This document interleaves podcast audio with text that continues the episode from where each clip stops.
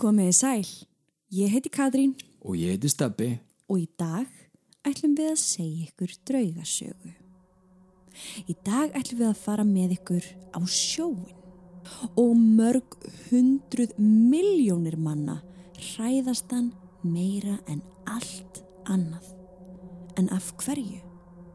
Fyrir það fyrsta þá höfum við aðeins kannad brota-brot af honum og það sem við höfum fundið eru óhugulegar skeppnur, djöfuleg náttúruögl og endalaust af svarthólum. Og fyrir utan það þá getum við ekki hort fram hjá þeirri staðreind að sjórin er fullur af líkum sjómana og farþega. Ef við horfum á öll þessi döðsföll sem hafa átt sér stað á sjó, þá er eðlilegt að velta því fyrir sér hvort að sjórin sé mögulega reymdasti staðurinn í öllum heiminum. Hugsaðu um allar þessar tíndu sálir sem dóu skyndilega og mögulega á áðbeldisfullan hátt og hafa aldrei fengið viðegandi jarðafur, enda hafa líkamsleifar flestra aldrei fundist. En í dag ætlum við að skoða sögu skipa sem fóru frá landi með ásetningi og áætlun en snýru aldrei tilbaka og hafa aldrei sérst síðan. Eða hvað? Verið velkomin um borð í draugaskipið.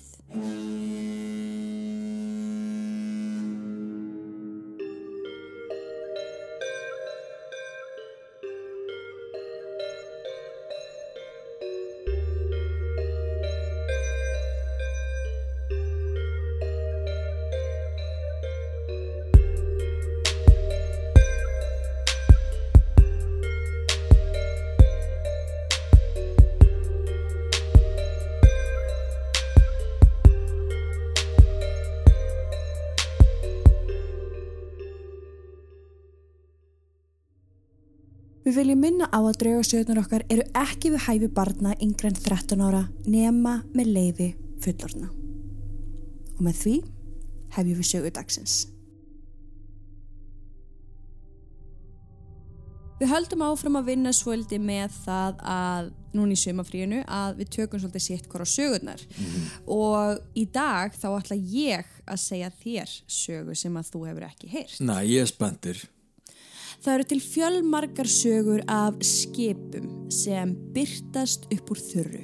Ekki ein sál um borð og engin ummerki um hvað varð um áhöfnina. Þessi skip eru oft kölluð draugaskip og þó að það séu vissulega til þjóðsögur af þessum toga þá eru líka til fjöldin allur af sönnum sögum þar sem raunumveruleg draugaskip hafa fundist lengst út á sjó nú eða strandað í höfninni. Og oft þá höfum við ekki hugmynd um hvaðan skipið kom eða hvað varðum fólkið um borð. Emitt. Og fyrsta skipið sem við ætlum að taka fyrir hér í dag hétt Árang Metan og var að sigla frá Þískalandi árið 1940. Ok. Sagan segir að skipið hafi verið að sigla um Malakasund sem er við Suðaustur Asíu en svo skyndilega byrja önnur skip í grendinni að fá neyðarkall frá Orang Metan í gegnum morskóða en morskóði er svona Gamalt, gamalt samskiptaform. Já, þar sem að hver bókstafur er táknaður með ákveðnum fjölda punta og strika Akkurat. og þetta var notað hérna áður fyrr. Og neyðarkallið hljómaði svona. Allir yfirmenn þar á meðal skipstjórin eru látnir. Þeir liggja hér í salnum og einn á brúnni. Líklega öll áhöfn látin. Nokkrum sekundum setna kom annað neyðarkall með morskóðanum og líka það síðasta. Ég dey. Úf. Þessi skelvilegu og óhugulegu skilaboð bárust The Silver Star, bandarísku skipi sem var næst orang metan. Skipstjóri Silver Star samþykti að finna orang metan og bjóða þeim sem voru um borð aðstóð. Já, það er ekki á seint. Einmitt. Þeir sem sagt finna skipið, fara um borð og kalla, en fá engin svör. Það var dauða þögn á skipinu sem þeim þótti samt svo litið undarlegt að þeir voru nýbúnir að fá neyðarkall. Já, akkurat, já. Þeir fara um borð í skipið en þá tekur á móti þeim ræðileg sjón. Öll áhöfnin var látin og lík þeirra voru út um allt. Augu þeirra voru útstæð og svipurinn á andliti þeirra gaf til kynna að þeir höfðu verið skelvingu losnir þegar þeir dói. Augun þeirra útstæð. Munnurinn var opinn eins og þeir bærað öskra og tennur þeirra sáust vel. Handleikirnir voru síðan útréttir eins og þeir væri að tegja sig í eitthvað. Það voru engin merki um nein átök, ekkert blóð og engin sár á neinum þeirra. Og meiri segja hundrun um borð var látin og því er líst þannig að það leit út eins og hann væri frosinn. Enginn hafði séð neitt í líkingu við þetta og ég ætla að sína þér eina mynd. Já. Já, vá. Wow, er þetta raunverulega myndir? Ég er ekki alveg búin að koma að staði í hvort þetta sé raunverulega myndir eða hvort þetta sé mögulega eftir. En þetta er allavega það sem að blasti við þessum sjómunum þegar þau komið um borð. Já, það var þetta. Og ég barast. Áhöfn Silverstar reynir að draga skipið í land en þá kemur upp eldur og í kjölfarið sprenging svo að skipið sökk á hafsbotnin sem enn í dag þykir mjög dularfullt. Þá er henni hvernig það gat gerst. Einmitt. en hvað gerðist og hvaðan kom þetta skip? Það furðulega er að engin veit hvaða skip þetta var eða hvert það var að fara Býtu, þannig það átti ekkert land eða einhvern áfangastað eða neitt. Nei, það veit enginn hvað skipið er. Og það veit nákvæmlega enginn hvað gerðist fyrir áhöfna þennan örlaðaríka dag.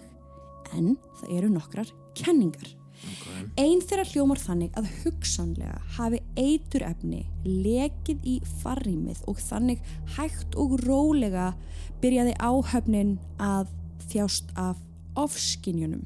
Skelvingu losnir og enginn vissi að þeir væru í raunin að anda að sér eitri. Ok, skil.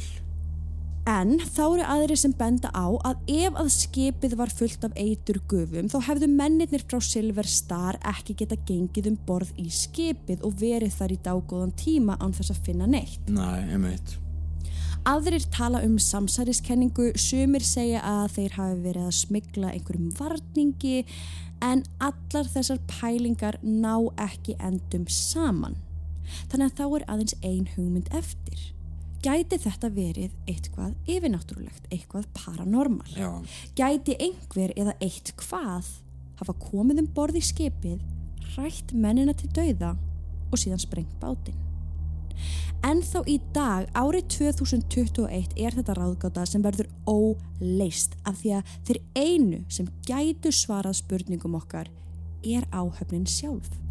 En hún kvílir einhver staðar á botni Malakkasundsins ásand skipinu. Þetta er stórundalegt. Ég meina, hvað var til þess að, að þetta skip byrtist? Hvaðan kom það? Hvert voru þeir að fara? Hvað dróð átti dauða? Mér finnst það merkilega sko hvernig, hvernig er allt í hennu gáti bara verið bara eins og þau talaði um bara einhverja vakstittur.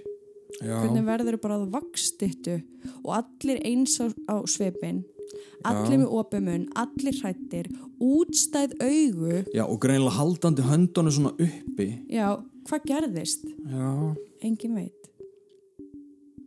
Næsta saga er, er um The Flying Dutchman. Já, þetta er fræg saga. Þetta er ein frægasta svona draugasaga á sjó. Já, algjörlega. En í aldaraðir hefur góðsögnin um The Flying Dutchman náð að skapa sér sess í fyrsta sæti þegar kemur að draugaskipum. Sagan segir hvernig skipið og áhöfn þess er dæmd til að ráfa um heimsins höf um aldur og æfi án þess að ná nokkru sinni til lands vegna örlagaríkrar ákvörðunar skipstjórans um að sigla í bannvænan sjó. Þessi saga hefur veitt mörgum leikskáldum og málurum innblástur. Já. En þegar öll er á botnin kvöld, er þetta ekkit annað en saga eða ævintýri? Eða hvað? Á 20. öldinni hafa sjómenn tilkynnt að hafa séð þetta bölvaða skip og að það hafi silt fyrir þá. Ó, Sjómenn segja að þegar það gerist þá sé það viðvörun um yfirvofandi óhefni eða dauða. Svo fyrst það er svona stutt síðan sjómenn sáu þetta draugaskip og ekki bara einn heldur nokkrir þeirra Já. er þá mögulega einhver sannleikur á bakvið söguna. Og ef svo er, hver er þá sanna sagan um skipið og hvernig var það að þessu draugaskipi sem það er í dag? Í sögunni þá var skipið sem er þekkt sem The Flying Dutchman hluti af flota sem var í eigu hollenska austur Indlandsfélagsins. Þessi skip ferðuðust milli Hollands og austur Indlands og fluttu á milli silki, krydd og litarefni.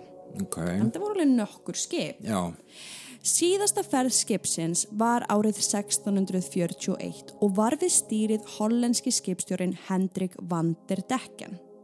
Van der Decken og áhöfn hans áttu viðburðarlausa ferð út en þegar þeir ætluð að snúa tilbaka heim þá var sagan önnur. Van der Decken vildi snúa aftur til Amsterdam eins fljótt og auðið var. Hann ákvað því að velja styrstu leiðina sem var uh, í gegnum Cape of God Hope sem er við Suður Afríku sem er bara svona ákveðin leið svona skæi. já, sem þú getur bara farið Já. Cape of God Hope Ok, Þegar að skipið fór að reyðja sér til rúms þar í gegn kom hræðilegu stormur. Áhöfnin var hrætt og grát bað skipstjóran um að snúa við. Í fyrstu útgáfunni þá áttaði skipstjóran sig á að hann hafi gert vittleysu en hann gati ekki snúið skipinu við. ok, það er einn kenning. Já, í síðari útgáfum neitaði vanderdekkin hins vegar að snúa við, svo örugur um eigið ágæti og viss um að hann hafi tekið rétta ákverðun. En það eru samt sumir sem halda því fram að maðurinn hafi bara verið drukkin á meðan aðrir segja hann hafi hreinlega bara verið heimskur. Ok. Því þetta var ekki sniðugt. Næ, hvað sem var. Hver sem ástæðan var, þá hundsaði vanderdekkin áhöf sína og sildiði Flying Dutchman beint inn í stormin. En áhöfnin ákveður að í staðin fyrir að vinna markvist að því að komast í gegnum stormin þá reymdu þeir sjálfur að snúa skipinu tilbaka. Þeim mistókst og þegar að vanderdekkin kemst að þessu þá drepur hann yfirmannin sem stjórnaði áhöfninni og hendir honum fyrir borð. Eftir það líst hann því yfir að hann myndi ljúka þessari ferð jafnvel þó það myndi verða hans síðasta. Hann var varla búin að sleppa orðinu þegar að engill byrtist honum og áhöfn hans. En það gerði skipstjóran reyðari og hann endur tók orð sín og með því var hann búin að innsikla örlög sín áhafnarinnar og skipsins. En í annari útgáfu þá var það ekki engill sem að byrtist honum, heldur djöfullin sjálfur. Nú, Og hann dæmir hann til þess að sigla um hafið um alla eilíf. En, ólíkt englinum, þá gefur djöfullin honum smugu á að komast út úr þessum vandræðum. Hann segir honum að hann geti leist sig, sitt fólk og skipið úr þessum álegum með því að finna sér digga konu. Svo á sjö ára fresti var skipstjórunum heimilt að snúa aftur til lands til að leita að konu til þess að frelsa sig. Mm. Þetta er sagan. já, já. Hvort sem það var engill eða djöfull sem að byrtist þessum mönnum þá var niður staðan eins fyrir alla. The Flying Dutchman týndist í óveðrinu. En það virðist vera að skipið sé að sjást út um allan heim. Það hefur verið greint frá því að skipið sjáist sveima rétt fyrir neðan öldurnar eða byrtast undir þeim. Og hvort heldur sem er þá telja sjómenn það vera mikla ógæfu að rekast á það. Já, þetta er sem sagt fyrirbóði fyrir eitthvað slæmt. Já, og til að byrja með þá mætti halda að sagan um The Flying Dutchman sé ekkert annað en forvarnarsaga um hvað eigi ekki að gera á sjó. Já, En málið er að það hafa bara svo margir séð þetta skip. ah, Það byrtist fyrst manni að nafni John McDonalds. Hann hafði ferðast um Evrópu, Asíu og Afríku og var með 30 ára reynslu á sjó. En síðan í eitt skipti þegar þeir eru að sigla árið 1790 þá brestur á mikill stormur og þá sér áhöfnin The Flying Dutchman vera berjast við öldurnar. Og næstu árin þá var það samkomulag á milli sjómana að skráða niður ef þeir rækjust á draugaskipið. vá, ok. Og það eru til hundruðir frásagna. Það sem þessi vittni á að sé þetta Já, skip. skjálfest. Vá, Það er nefnilega að því þú veist, ég skil alveg að maður svona hlusta á svo sögu og svona, mhm, já, já. En það er bara svo, við, við erum að tala um mörg hundru manns. já, já, já, já, já. Já, vá. Í Söður Afríku kom í blöðin útskýring frá því hvernig fólkið á ströndinni hafði heyrt agaleg læti og þegar það leiti upp þá sá það drungalegt skip sem var umvafið rauðu ljósi. Það var greinilega illa farið en svo eins hratt og það byrtist þá var það horfið. Þremur árum eftir þetta voru fjórir hollendingar sem sáu skipið sigla við Table Bay rétt hjá höfuborginni en svo hvarf það og sást ekki aftur. Þannig að þannig fólk sko sem er ekki einu svona sjó. Nei, bara við land. Já. En á þessum slóðum greinilega, þarna hjá Suður Afríku. Þannig já. Út af þessu, út af því að fólk er búið að vera að vandraðast svo mikið með það hvort þessi saga sé sönn eða ekki, þá Já. er fólk virkilega búið að hella sér yfir bara skrásetta atburði og bara að, að reyna að ná í öll sönnunagögn ef við getum sagt. Já, ég skil. Já, til þess, að, til þess að finna út hvort þetta sé rétt. Og það virðist bara vera mjög erfitt að skera úr því. En, eitt er víst, að skipstjórin, Vander Dekken, hann virðist ekki hafa verið til með við bækur og skjöl. Nú, Einhverjir vilja meina að nafnið sé þá ránt og að skipstjóri skipsins hafi í raun verið maður að nafni Bernard Fokke. Sá skipstjóri, hann var nefnilega talin vinna með djöflinum sjálfum að því að hann gætt skotist yfir sjóin á með tíma. nú, nú.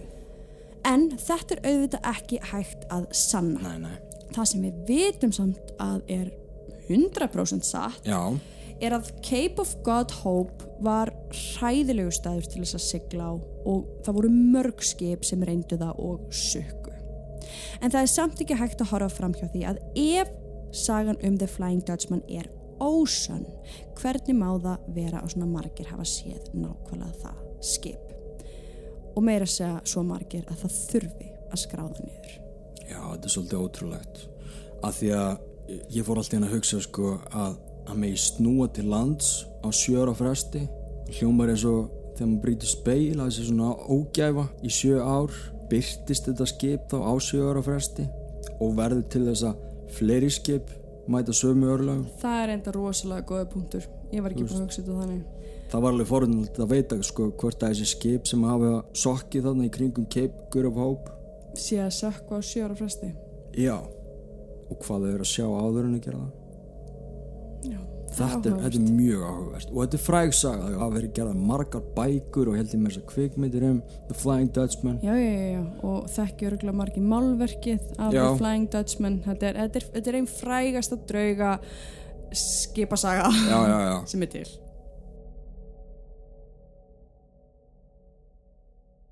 Við erum hér engungu til þess að upplýsa fólk, en ekki rífa upp gömul sár.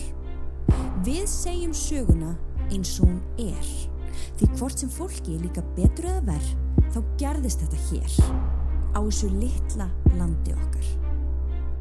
Við vorum fyrst til að fara með ykkur á staðinn og leif ykkur að upplifa draugagangin með okkur í rauntíma. Nákvæmlega eins og hann er. Við erum með sönunagögn sem engin annar á Íslandi hefur náð. Það er ástæða fyrir því að við erum fremst í flokki þegar að kemur að draugagangi á Íslandi.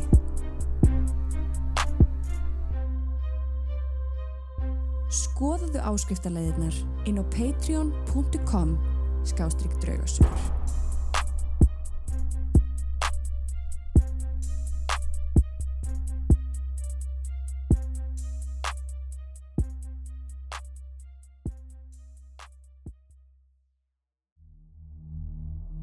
Næsta skip sem við ætlum að taka fyrir heitir Octavius.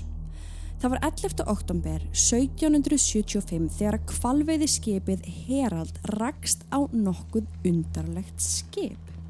Skipverjar á Herald töldu líklegt að þarna væri á ferðinni skip sem hafi farið illa í veðrinu og þegar það nálgæðist var ljóst að það var splundrað, seglin rifin og augljóst var að það hafi lemt í einhvers konar hremmingu. Mennirni fórum borð og það leið ekki á löngu þar til þeir áttuðu sig á af hverju engin starfsemi var á þilfari. En til þess að skilja söguna betur verðum við að ferðast aftur til 1761 þegar ferð Octaviusar hófst sem er 14 árum áður en Herald finnur skipið. Nú, ok Þannig að það er búið að vera hana Að Týnt Sigla í 14 ár. Já, tínt Já, tínt. wow. 28 sjómenn lögðu af stað frá London og hófu för sína í átt til Kína.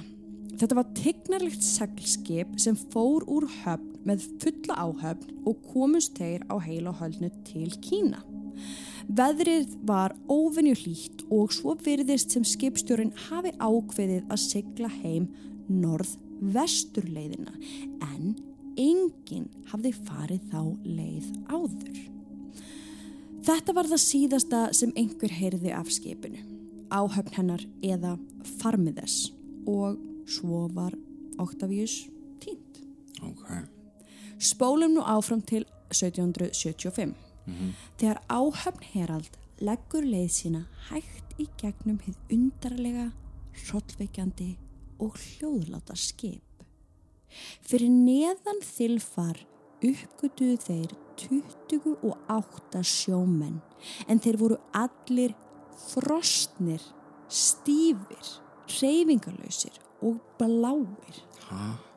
Þegar þeir komust að skrifstofu skipstjórans fundu þeir hann fyrir aftan skrifborið sitt líka frosinn. Blekdollan og aðrir hversdagslegi hlutir voru enn á sínum stað á skrifborðinu. Þeir snýru sér við og sáu þá konu vafða í teppi í kóju frosinn til dauða ásamt líki ungs drengs. Nei Já. Samkvæmt sögunni þá hjælt skipstjórin enn á pennanum eins og hann hafi frosið samstundis á einhverjum tímapunkti. What? Þetta næ ég ekki að átta mig á. Áhöfn Herald greindi frá því að öll áhöfnin á þessu óhugulega skipi væri eins. Eins og þau væru bara einhvers konar vaksmódel á safni. Já, þau voru bara stíf og, já, frosin bara allir eins. Þegar Octavius hóferð sína árið 1761 skrifaði skipstjórin dagsetninguna vandlega í dagbókina sína. Skjál sem fannst á skrifborði hans 14 árum síðar en síðasta færslan var frá 1762 Þr- það er sérst 13 ár á milli. Seinasta færslan er 62 skipið finnst 75 Ok, þannig að skipið hefur samt verið þá bara að sigla frá 61 til 62 Já, það er greinilegt að, að það hafi einhvern veginn verið að sigla þarna. Það er greinilegt örgulega komin í eitthvað vesen. Já, en þeir hafa allan að vera lifandi í heilt ár eftir að þeir lögðu á stað frá Kína. En við erum svolítið ekki alveg með á hreinu hvenar þeir löðast það frá Kína. Nei, Hvaða mánu? Þeir Á. gæti hafa gert það í desember. ég skil, ég skil. Þannig að þetta er alveg, þetta er alveg spurning sko. Já. En, en það er sama, eru, við erum að tala um að blaðið var ennþá fyrir framannan 14 árum síðan. Hann er ennþá, hann er að fara að skrifa eitthvað. Svo bara missir hann af því. Og hann er bara alveg eins 14 árum senna. Já, mind blown. stórskriði. En á þessu augnabliki þá verða mennirnir hrættir þegar þeir átta sig á að þeir væru komnir um borð í drauga skip af því að þeir höfðu ekki hugmynd um hvað var að gerast þarna þeir höfðu aldrei séð neitt þessu líkt og það voru allir dánir eða að minnstakosti í einhvers konar álögum Já, einhver ástandi. hvað var að gerast Já, þannig að þeir flýti sér aftur í skipið sitt mhm. En í rauninni hvað gerist þarna? Og hvernig gáttu þeir silt í 13 ár án þess að nokkur hafi orðið þess var? já, Og sumir vilja meina að þetta hafi allt verið skipstjórunum að kenna. Sko, samkvæmt þessari sögu, þá ákveður skipstjórin þarna á Octavius að gera hið ómögulega. Að fara norð-vestur leiðina og það á víst að hafa verið þessi ákverðin sem draf allt fólkið um borð. En auðvitað þá gerist þetta fyrir mörg hundru árum síðan svo það er ekki hægt að nei, staðfesta nei, þetta. það er rétt. Í annari útgáfu þá festist Octavius uh, á Ísjaka í tvo og hálfa mánuð og það leið ekki á löngu þar til þeir urðu búni með byrðirnar og að lokum frusu allir til dauða. En hvernig stendur þá á því að skipsturinn hafi setið fyrir aftan skrifboru sitt með penna í hönd eins og hann hafi verið á leiðinni að skrifa eitthvað? Já, Og það sem er ennþá furðulegra er að það virðist vera að Octavius hafi náð að komast norð-vestur leiðina en líklegast eftir að allir voru látnir. Af því að síðasta skráða staðsetning skipsins já, var 75N 160 Vaff sem setti Octavius í kringum Barrow, Alaska. ok.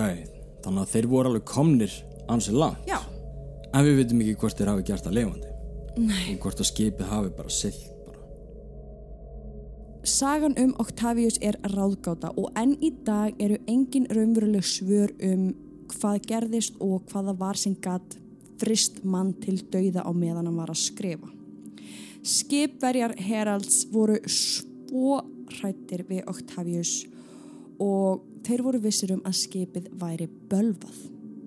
Svo þeir einfallega letu það fara og það hefur aldrei sérst síðan. Hæ? Ok, en undarlegra. allt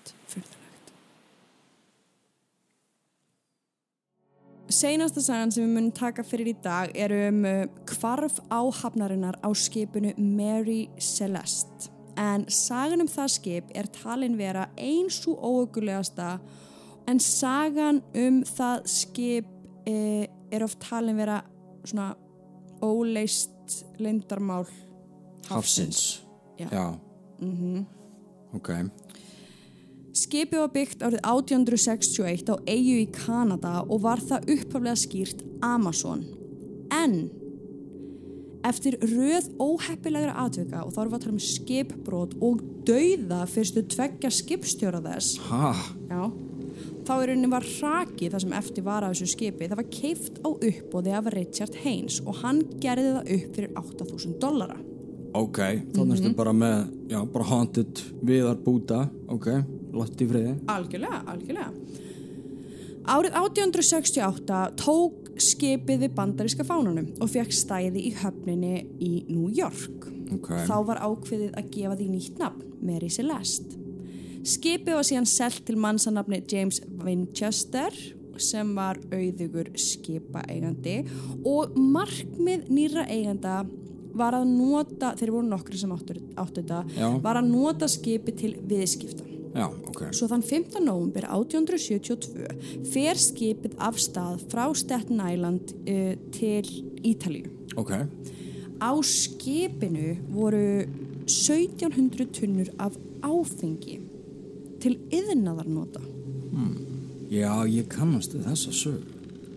Aha. Já, ok, nú er ég spenntur. Með eigandi skipsins, maður að nafni Briggs, var um borð ásamt sjö manna áhöfn og hann tók konuna sína með, Söru og dóttur sína Sofíu sem var aðeins tveggjára.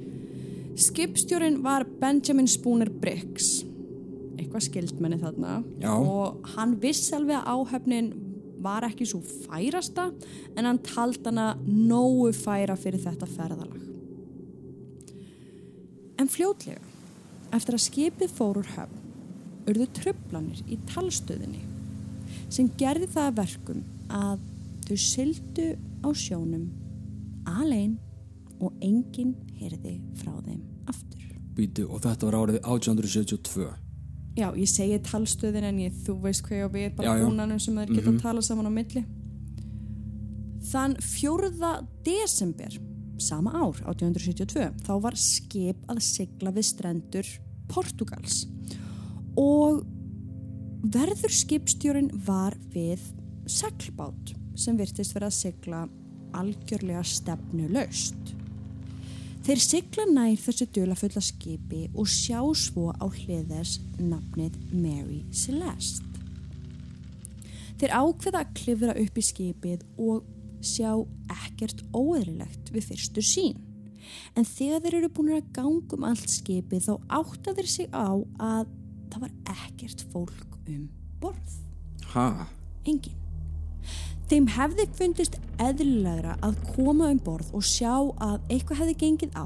Af því þá einhvern veginn hefður geta áætlað að sjóræningar hefði komið um borð Akkurat. eða eitthvað slíkt. Já, já.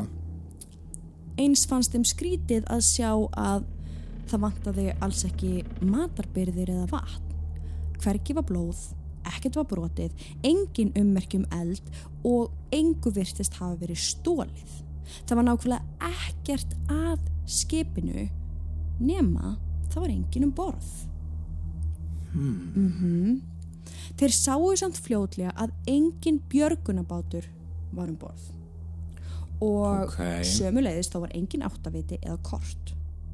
Þannig að allt benti til þess að áhöfnin um borð hafi forðað sér úr bátnum í flýti en greinilega ekki út af einhvers konar árás af því að öll vopn voru enn undir rúmum.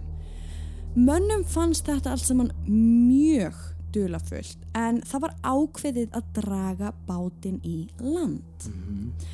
Um leið og skipið er komið í breska höfn þá hefst rannsókn.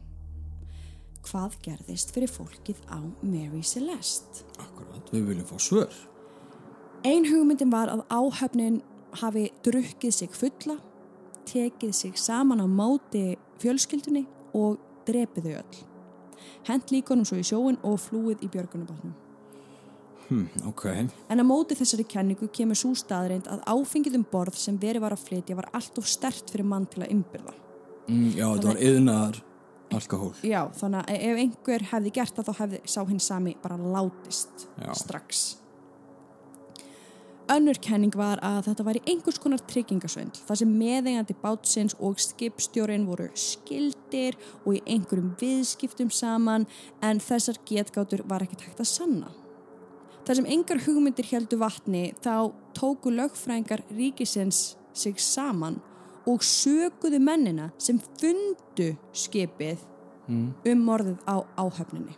Ha? Og að þeir hafi síðan komið með skipið í land til þess að græða peninga vegna þess, sko, vegna þess að þetta skip var náttúrulega tínt Já, já. og hérna og það var alveg gott að finna það og ég meina þessi menn sem fundu það. það mm. eignast mikið mikið pening Ó, Þá bara hvað, veluna fyrir Já. eitthvað svoleiðis? Já. fyrir að Nú. koma með skipið aftur heim Ok. þannig að lögfræðingur sögðu bara mm, þú veist, þið hafið fundið skipið, Já, þið drápuð þau komið með skipið en engar Ok. sannanir það voru engar sannanir um þetta Þannig að það var ekkert hægt að kæra það það. var ekkert hægt að kæra Já, ég menna þú veist, þetta er náttúrulega svolítið absúrt að því að skipið er að týnt í marga, marga mánuði. Já, og, og það koma sko endalausar pælingar, við erum að tala um að rítumundar, þeir pikku þetta upp og það var skrifið bók og það var gert, þú veist, endalösa greinar og alls konar bulli hent út og fólk voru að trúa þessu bulli og svo, Já, já. svo kom maður sem sagðist hafa verið um borð og hafi náða að komast á einhverjum fleka og, veist, og, og allir hefðu dáið út af því að hákall kom þetta, bara, þetta fór bara. alveg, já. Já. Uh, en á endanum voru prófessorar komnir í málið og þeir bara þeir bara harðir á því að, að skoða bara eitthvað sem gæti nú sem þeir gæti nú sannað. Já, já. og, og þeirra saga er þannig að ein víntunnan sem var um borð hún gæti hafa opnast ok. og lekið um viðin og mögulega á hættulega staði sem gætu skapað sprengingu. Ekki það að sprengingin hafi orðið heldur mögulega hefði hún geta orðið.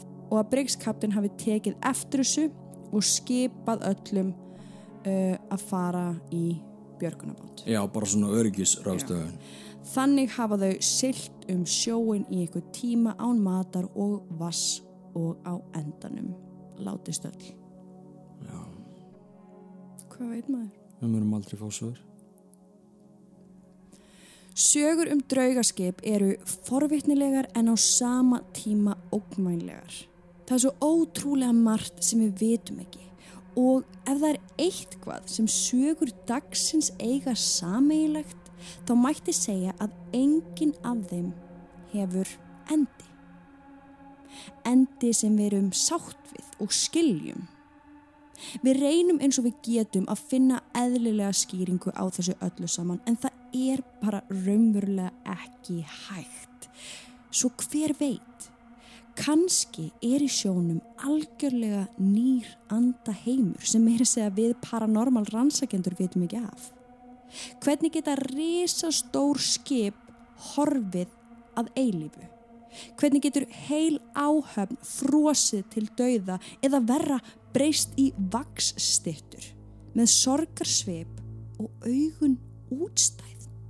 Það er svo ótrúlega margt sem við vitum ekki um sjóin en eitt er víst að hann er miskunarlaus og ofan í honum eru miljóni sála sem óskaðis bara að komast heim.